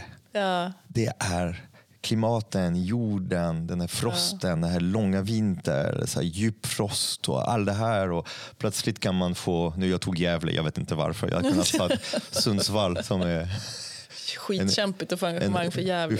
Ja, men, så här, ja, men, um, ja, men och visst, det där terroir, det är ja. ett löfte över att det finns ett, en, med förutsättningar som kommer leda mm. till en viss egenskap i en råvara. Mm. Och, uh, vi, håller på, vi håller på att bygga en, uh, Sverige till ett, ett cider och vinland. Mm. Nu, jag vet, det är 50 plus mm. vingårdar i Sverige. Ja, och uh, som du nämnde, klimatförändringarna påverkar, kommer påverka mer och mer. Alltså södra Europa, Italien, Frankrike, Portugal, mm. Spanien, Grekland. De kommer ha jätte, jättesvårt.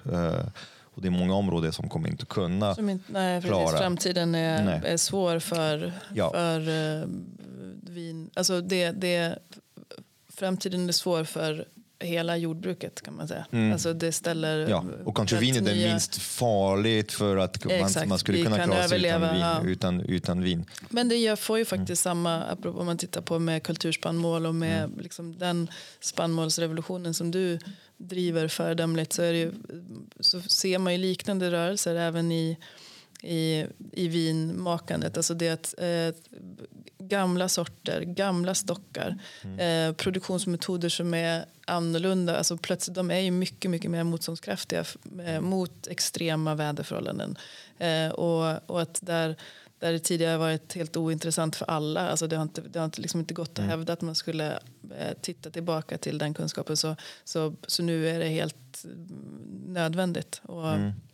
och det, det kommer vi att se mer och mer framåt. Alltså hur, eh, hur kan vi hur kan vi på ett hållbart sätt jobba mm. med vinproduktion även i framtiden. Och mm. det, där, där är det ju väldigt mycket naturvinsrörelsen som driver. Eh, har möjlighet, de är snabbfotade, de är snabbanpassande. Det, det är, eh, det, det, är hela deras filosofi att vara liksom del i ett hållbart mm. kretslopp. Ja, jag gillar, jag gillar den tanken att man tittar tillbaka för det är eh, de gamla plantorna ofta haft också de bättre resistans ja, och det är lite som med kulturspannmål. Men eh, och eh, klimat, klimatförändring, det är många som ifrågasätter det här med klimatförändringen och även om man inte tror på all forskning som finns, det finns en inbyggd kunskap i de som har odlat väldigt länge och de har sett en förändring i tidigt, sista frosten, mm. första mognad, den här trädet som är 800 år gammal mm. som har redovisat hur tidigt den blommar och att se att den här datumet har blivit, har blivit tidigare och tidigare och tidigare. Det kanske är 30 dagar som har skett på 100 år. Eh, det här är saker som inte går att leka med. Alltså det, det går inte att, fuska med det. Och så. Alltså det, är väldigt, eh, och eh, det finns ett stort problem med, med klimatförändring som kommer påverka hela matproduktion överallt i hela världen. Absolut.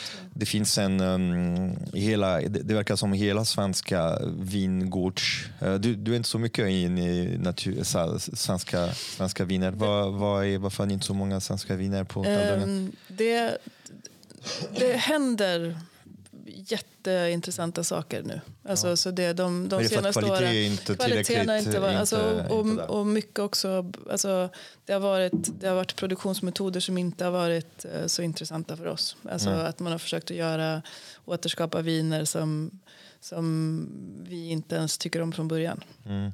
Lite eh. som ost, eh, ostin, ost. Ja. Alltså mejeristerna ja. när de började, de började göra camembert som i Frankrike Precis. och comté och, och, då är det inte lika intressant. Nej, det, man måste en börja. industri camembert.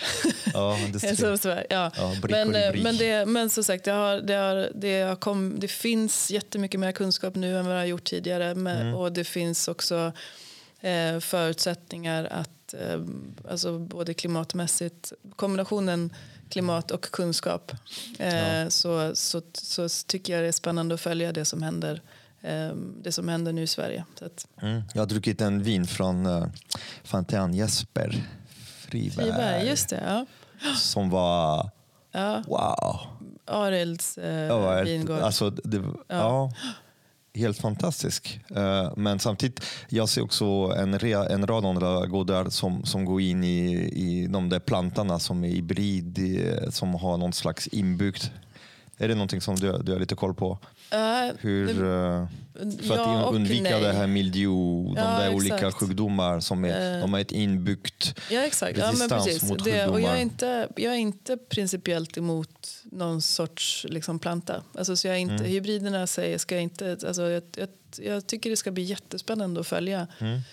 Um, alltså att det finns... Det är ju inte... Det finns... Det är, det är ingenting som är det är ingenting som är super, super naturligt med, med vinplantor i sig. Nej. Alltså i att det, det, och synnerhet inte på, ja, men på ett sätt som eh, om, man titt, om vi pratar om hur väldigt mycket av vinproduktion den industriella vinproduktionen ser ut så är det inte någonting som är särskilt liksom, eh, hur, alltså hur plantor behandlas eller hur man liksom gör mm. med eh, så, så det att kunna eh, kunna jobba med olika druvsorter och vare sig det är liksom mm. hybrider och korsningar.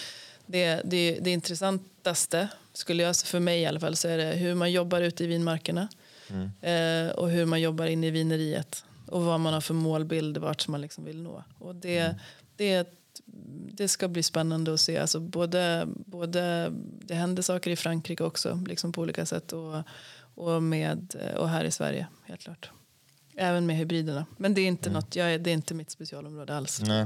För jag har träffat några som, som visar, visar, visar heja och att man kan, använda, man kan slippa använda en massa, en massa kemikalier och pesticider också. Just. Och fungicider som används väldigt mycket i, i, ja, i jag tycker en, det finns, vingård. låter som det finns mm. massor med bra saker med de här hybriderna. Alltså så att mm. jag, så jag, jag tycker också att det finns i sig alltid är ganska så intressant att syna när, när, mm. när det kommer jättestarka åsikter som inte som, som där det starkaste argumentet är så här, det är inte naturligt. Mm. Alltså då, är, då, blir jag, då blir jag lite nyfiken på en gång. Mm. Vad är det som är, vad, vad, liksom för, berätta mer för det finns, det finns otroligt mycket konservativa värderingar i i, ja, definitivt i vinmakning. Mm. Eh, def, alltså, prata prata liksom spannmålsodling eller vad som helst. Så det, är samma, det är samma resa där. Mm. Så här kan man inte göra, det där är fel. Eller så, här, det där, så här har det alltid varit. Och så vidare. Alltså, där, där åsikter runt hur man ska göra för att det alltid har gjorts på ett visst sätt. Mm. Det i sig tycker ja. jag är problematiskt. Alltså I spannmålsodling man ser att eh, vilken, vilken gröda man odlar om man väljer de äldre sorter som har långstrå och djuprotsystem och så. Det är för att de integrerar i ett jordbrukssystem på ett mycket mer hållbart sätt, mycket mer resilient och klarar bättre klimat Verkligen. och så. Sen det som kommer göra hur gott brödet blir eh, handlar mer om förädling. Hur man mm. har tagit vara på råvaran och torkat och rensat och malt på vilket sätt och bakat och mm. fermenterat allting. Där det, finns, det, är väldigt, det är därför det, det, är, det är svårt för det är ett naturvin och, och den andra vinet är ett vanlig vin. Mm. Uh, och sen du har en superdyr kår av viner som är väldigt hantverksmässigt gjorda och som har ett hög status och så, som, är, som är lite som naturvin men fast som kostar flera tusen för en flaska mm. och det, det, är sällan man får dricka sådana viner. Mm. Uh, och, och, och, det, och det man ser är att jag har bakat jätte, jättegoda bröd med lite mer moderna spannmål. Och eh, anledningen att jag bakar med kulturspannmål det är inte för att det blir, inte, det blir godare. Visst, det är lite godare för att jag vet också att det är godare för, för jorden. Det är godare för det binder mer kol i marken, det, det, det, är mer motstånd mot, mot resistansen, det känns mer tryggt för mm. en framtid som känns lite så osäkert. Uh, och det är därför jag tänkte att även om det blir lika gott att göra vin med moderna teknologiska druvor som är trixade, ah, ja. att ah. man kan ändå försöka bevara en, ett arv av av planter som har kanske en lång historia och som har kanske ett bättre platsanpassning och som är fria. För problemet med hybrid och så är att plötsligt ägs plantan Absolut. och ägs genetiken. Ja, ja, Av en, så det är någonting som vi, vi kommer inte att lösa det idag, men jag tycker ändå det, det, är ändå viktigt att prata, att prata om det. För att eh, Visst, man kan tycka att det, det det är rationellt och bra, men det finns också ett, ett värde av att bevara alltså, friheten för en producent. Absolut. Och friheten förloras så fort man, måste, man är beroende på en typ av plan som kommer från ett ja. typ av, av hybridisering som är ju patenterat, som ägs av ett företag. Och Absolut. Alltså, det, det, hela den diskussionen är ju mm. en viktig och en, men också en helt annan. För jag skulle säga, det, det, finns, det finns väldigt mycket i eh, det är liksom inte kulturspannmål om man pratar om en del av, av vinstockarna i i södra Frankrike eller, mm. i, eller ens i Chablis eller Bourgogne. Alltså det, är också, det, är en, det är en typ av... Eh, de, det är kloner, det är ympat, alltså du har, du finns bara vissa som har rätt att sälja. Alltså det, den är liksom inte, det är inte en fri och naturlig marknad Nej. om man tittar på vinstockar som man tänker på som, som de som inte är hybrider heller. Mm, mm. Alltså de är jätte, jätte, alltså det kanske krävs enorma mängder. Eh, det är ju otroligt mycket besprutningsmedel och bekämpningsmedel i, i, i vinmarker, alltså konventionella mm. vinmarker. Mm. så, så jag tycker det finns alla anledning att syna så här, hur ser framtiden ut? På vilket sätt är mm. det vi odlar eh, druvor? Mm. Eh, absolut. Och, det, och då, är, då är det ett, då är det enda varianten att säga, ah, intressant att se vad, vad gör liksom, vad gör följa det finns hybrider planterade nu. Spännande att se vad, mm. vad det ger. Vad gör vi med det? Mm. Och det som är fråga, hur, lång, hur långt ska behöva sommelieren ta sin kunskap till?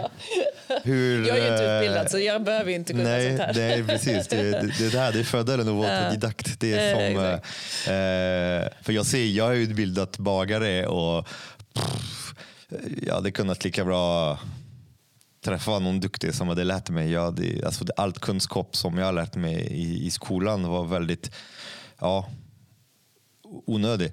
Alltså, och väldigt felinriktat och väldigt uh, förändrat. Och, och, jag har fått hitta min egen uppfattning. Så ja. det är lite samma som du gjorde, att prova, prova, testa, ha egen prova, åsikt. Prova, och så. Visst. Det, är exakt det, det jag gjorde med bröd. Och, uh, uh, men det här är ändå en spännande debatt, att, att se hur, hur långt man måste gå. I, i, hur djupt ska man gå? Mm. Jag, jag mm. frågade en gång i tiden Mattias Dahlgren som, som hur, hur mycket han visste om sitt bröd som man serverade på sin restaurang. Och det blev väldigt så här, att så här, hur långt måste han ha koll? Måste mm. han hålla koll på sorten som mm. bagaren använder? Vilket mjöl eller om man köper kött, eh, foder och så. Mm. Är det någonting som, jag, jag förstår att här, här jobbar ni väldigt med så här, lokala aktörer.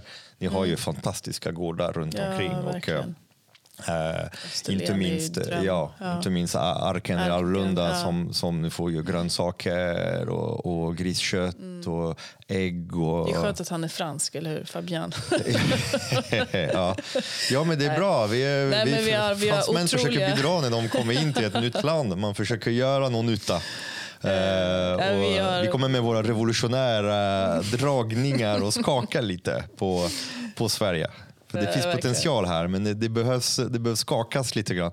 Eh, kan du berätta lite grann om, om eh, den filosofi ni har här på Taldungen? Om vi växlar bort lite från vinet. För mm. Det är en diskussion som pågår väldigt mycket just nu och som är eh, inte minst aktuell just nu. När jag sitter och bråkar med en av de största kockar i, i Sverige eh, som heter Björn Franzén. När vi pratar eh, råvaror, kvalitet, ursprung, hur mycket ansvar man har som krögare när man har sittande gäster som kommer och sätter sig, ska känna sig hemma och ska få mat. Och, ehm, och det jag ser, det finns en trend över alltså krog, krogtrend som går bort från att eh, titta på råvara och att det blir mer förädling. Mm. Och det blir så, så orättvis för att jag ser krogar som som arbetar med fantastiska producenter, fantastiska råvaror som tar sitt ansvar hela vägen och servera en mat som är, som är ren, som är hjärtlig, som är äkta, som är genomtänkt, som är passionerad. Och sen man ser andra krogar som kommer köpa bulkskitmat fullt med pesticid och konstgödsel och som har flugit och rest från hela världen. Och sen som kommer lägga den här handeln, den här förädling. Och ett tag trodde jag att det, det skulle ju det skulle fasas ut den där mm. kulturen. Att det är den man och kvinnans hand som kan ta vad som helst och göra det jättefint och gott. Och jag trodde att den här att ursprung och råvaror och, och metod skulle det som primeras och som kock det man gör det är att bygga en brygga mellan en bra producerad råvara till en fin gäst som kan lita på det emellan. Är det, är det inte jobbigt när, när ni sitter här och gör allting rätt och bra och jag vet att ni gör det för att ni vill det. Det är ett val för ni är fria. Ni har ingen stor eh, ägare som står här och piskar för att ni ska förbättra lönsamheten och så. Uh, men på, på något sätt, ni måste köpa lite mer än en vanlig krog som, som inte gör det. Och ni har säkert tajtare marginaler. Mm. Hur, hur, ser du utveckling där? Alltså, är, det, är, det, är du inte heller också lite besviken på hur trenderna går? När du ser alla krogar som öppnar och man ser nya restauranger som öppnar och där det är full fokus på utseende, smak, känsla och inte in i råvaran. Um, jag är jag är, jag är besviken slash bekymrad eh, kanske över att eh, om man inte på individnivå tycker jag inte eh, där, där saknar vi tillräcklig kunskap fortfarande för att förstå. Men däremot så tycker jag att det, det liksom initierade samtalet, det kunniga samtalet som förs matjournalister eller i branschen, alltså så att, att det, eh, det skulle jag vilja se var ännu mer nyanserat runt. Alltså titta på, sätta oss i ett större sammanhang. Alltså att vi inte bara, restauranger och eh, liksom matupplevelser på krogen är, är absolut å ena sidan en sorts skådespel. Alltså det, ett, det handlar inte bara om att bli mätt. Eller det är liksom, eh, men, men det är samtidigt en sån viktig faktor i så hur vi privatkonsumenter betraktar eh, vad det är att äta eller liksom hur, man, hur man äter. Och, eh, och som du säger, den, den faktorn att, att man på något sätt litar på att eh, någon, om det är någon som är det borde vara common sense tycker jag vid det här laget. Att, eh, att vi, gör, vi, vi som krögare ska göra eh, det vi kan för att också vara med och göra världen lite bättre. För vi, vi, kan, vi kan fortsätta göra precis lika jävla härlig föreställning och eh, liksom upplevelse, tycker jag, eh, gent ut till gäst. Mm. Och, och, även om vi också väger in aspekter som, som var vi köper våra råvaror, hur är djuren uppfödda eh, och vad är liksom, klimatavtrycket av att de kommer hit och så vidare.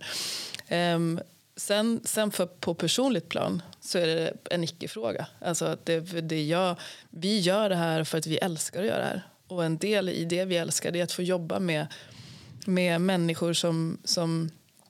Det är liksom hela meningen med livet. Att, här, att ha, omge sig med människor som, som eh, har samma energi och, och lust som en själv. Och vi får jobba med grönsaksodlare, djuruppfödare, vinproducenter eh, alltså personal eh, som har samma typ av liksom, grundglädje i saker. Så det, mitt jobb hade varit, vårt jobb hade varit sjukt tråkigt om vi jobbade med inflygna saker. Alltså det, jag, blir, jag blir jävligt lycklig över att se när eh, blomkålen kommer in nyskördad på morgonen. Från, jag ser Fabians glädje över hur bra bönorna blev i år. Alltså det, då blir jag glad över, alltså vi, vi blir glada, vi som får jobba med bönorna och sen får servera dem till gästen. Mm är jävligt glada över de här bönerna och gästen kommer att kunna känna våran, vårat vibrato i det. Mm. Och, det och samma med, liksom med viner, att här, få öppna ett vin som, där jag känner så här, åh det här är, det här är hon som gjorde dem, så här var året för henne, det var soligt och torrt, de lyckades ändå skörda, de var oroliga, det blev så här. Och sen så känna smak, jag känner smaken i min mun, jag får en, liksom, en tråd av energin som har varit i, i när det här vinet gjordes, den energin kommer jag kunna eh, det kommer att finnas med när jag serverar det här vinet liksom, till någon annan. Alltså den känslan. Och det, tänker, det, är liksom, det är hela essensen av varför, varför gör vi det här ens. Eh, mm. så, så att jag, jag, jag tänker jag, jag tänker inte ge upp alltså förhoppningen om att det kommer att vara det, det, det kommer att vara fler som förstår att man kan jobba på andra sätt och vill jobba så för de känner liksom den egna glädjen i det och vinsten för alla som får uppleva det. Eh, sen går det långsammare än vad jag har hoppats. Alltså jag, mm. trodde vi, jag trodde vi skulle vara längre framme nu faktiskt. Att det, vore, alltså det är helt befängt att det att råvaror flygs. Att jag tycker det är också befängt att gäster flygs runt överallt. Alltså det, det eh, res absolut, men gör det på hållbara sätt. Och mm. Det går jättebra att köra elbil och åka kollektivt till Talldungen till exempel. Det gläder mig. Det känns härligt. Och vi kan få jobba. Vi är omgivna av fantastiska producenter här. Liksom. Mm. Det finns, en, det finns flera billaddare här för er som kommer med, med era elbilar. Det är det också. Mm. Ja. Um, jag tror det, det, det, du pratar mycket nu här, det är, det är stoltheten. Mm. Stoltheten. Ja. Jag tror det är en, en, av de viktigaste drivmedel i passion, i omsorg, i livskraft. Alltså stolthet, att vara stolt. Och att uh, när man uh, levererar en råvara till dig då, jag tror att då känner man en stolthet för att ni, och ni tar vara på den råvaran så pass mm. bra så ni kan ta stoltheten från producenten, mm. lägga den i, i matlagningen. Mm. Och visa, och jag, har varit och ät, jag har ätit många gånger här och det, det allt, vissa råvaror ibland kommer bara som de är, som du sa. Alltså skivad tomat, lite salt, lite olivolja. Alltså, det behöver inte så mycket, för råvaran är ju så fantastisk mm. som den är. Rätt temperatur, nyskördat, mm. välproducerat. Eh, och, Fabians sinnessjuka basilika. Mm. Helt magiskt. Och mm. tomater. Ja, ja det, det, det finns en fransman i Österlen som, som kommer varje säsong och, och, och kör grönsaksodling här i Arken mm. i Alvlunda. Och, um, Uh, men den, den kommer vi prata mer om det stället mm. för jag har, jag har Tove på sikt mm. som uh, kommer ju få vara med och gästa på podden. För jag vet att hon har sjukt mycket att berätta och jag har uh, jättemycket också. Och det, det är lite roligt att man hittar ju mycket bra saker här här nere i Österlen. Eh, så det är en väldigt bra anledning att komma och då kommer man en längre period.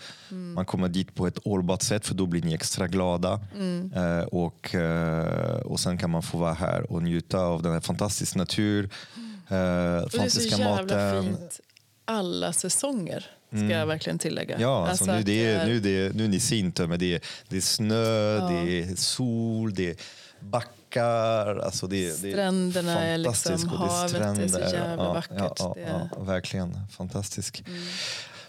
Okej, okay. mm. tack. Alltså, är det någonting som uh, jag känner är det någonting som du vill, du vill tillägga? Någonting du vill, ett sista budskap? Någonting du vill ut i världen till alla dina sommelier? Tror, tror du att du kommer bli vald som uh, sommeliernas sommelier igen? eller var det, är det bara en one shot? Uh, uff, jag, jag är bara otroligt blev, du, tacksam att jag har fått uppleva det en gång. Mm, ja. ja. det var, det var du blev väldigt glad, stort. jag såg det. Så du grät och allt. Och så. ja, det, var väl, det, var, mm. det var oväntat väldigt, väldigt stort. Jag är ja. väldigt tacksam för att, som sagt, fått, att ha fått uppleva det. Mm. Um, nej, om jag ska säga något så är det just att så här, var, var, um, var, var inte rädda för vin. Um, men var liksom ödmjuka inför det.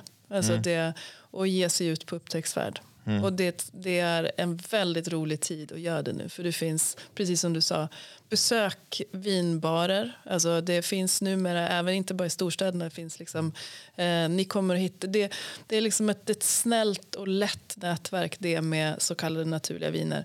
Eh, och folk älskar att få dela med sig av kunskap och det är, ett väldigt, väldigt, eh, det är en väldigt rolig hage att leka i. Mm. Och uh, jag vill också tillägga att um, tack för att du är en, en otroligt stor förebild. Och att om det är någon där ute som är på jakt efter förebilder, för man behöver människor att se upp till för att kunna utveckla, mm. för att kunna hitta nya mål och utmana sig själv och våga ta sig ut från sin trygghetszon och den är etablerad. Det är väldigt viktigt att hitta människor som faktiskt gör, gör det de gör med hjärta och som gör det länge, som gör det obstinat. Eh, personligt eh, med kärlek. Och, eh, så jag rekommenderar alla där ute. Alltså, följ Emma. Även om det, är, det, är mer, det är mer rulla sig i snö, bada, bada, bada kallt i din Instagram. Men det är ändå, det är ändå bra att, att, följa och få komma här till Talldungen och få uppleva mm. den här platsen någon gång i sitt liv.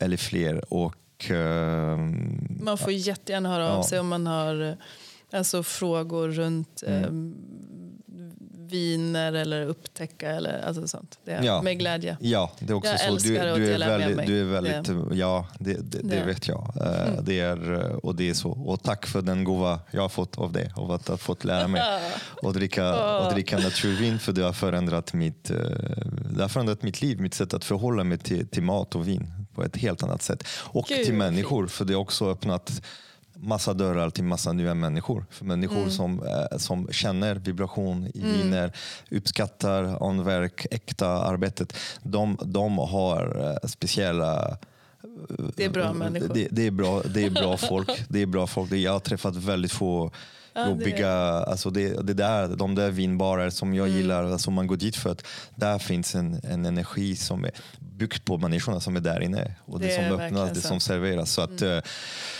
uppgradering i livet mm. säger jag tack till. Gud, tack Emma. Tack Sebastian.